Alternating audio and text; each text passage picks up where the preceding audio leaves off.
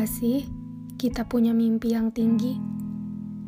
Ingin rasanya jadi ini, jadi itu, bisa ini, bisa itu. Pasti pernah.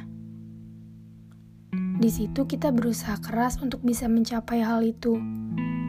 Tapi ternyata hasilnya gagal. Dan dari situ jadi takut punya mimpi tinggi.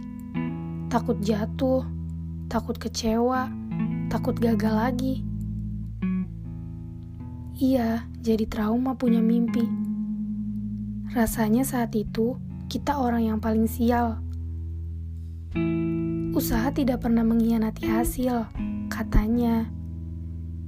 Tapi kadang kita suka maksa supaya hasilnya sesuai sama usaha kita. Jadi lupa ya, urusan hasil bukan kehendak kita.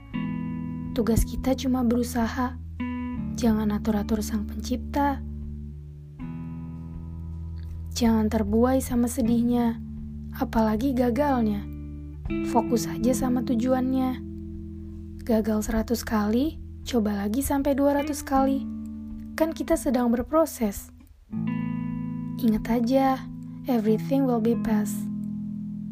Suatu saat, kita akan ingat momen di titik ini dan kita di masa depan akan bilang buat diri kita di masa lalu, Makasih ya udah terus berjuang dan gak nyerah. Ayo semangat. Jangan tunggu orang lain buat kita senang lagi. Orang yang paling bisa menyemangati kita adalah kita.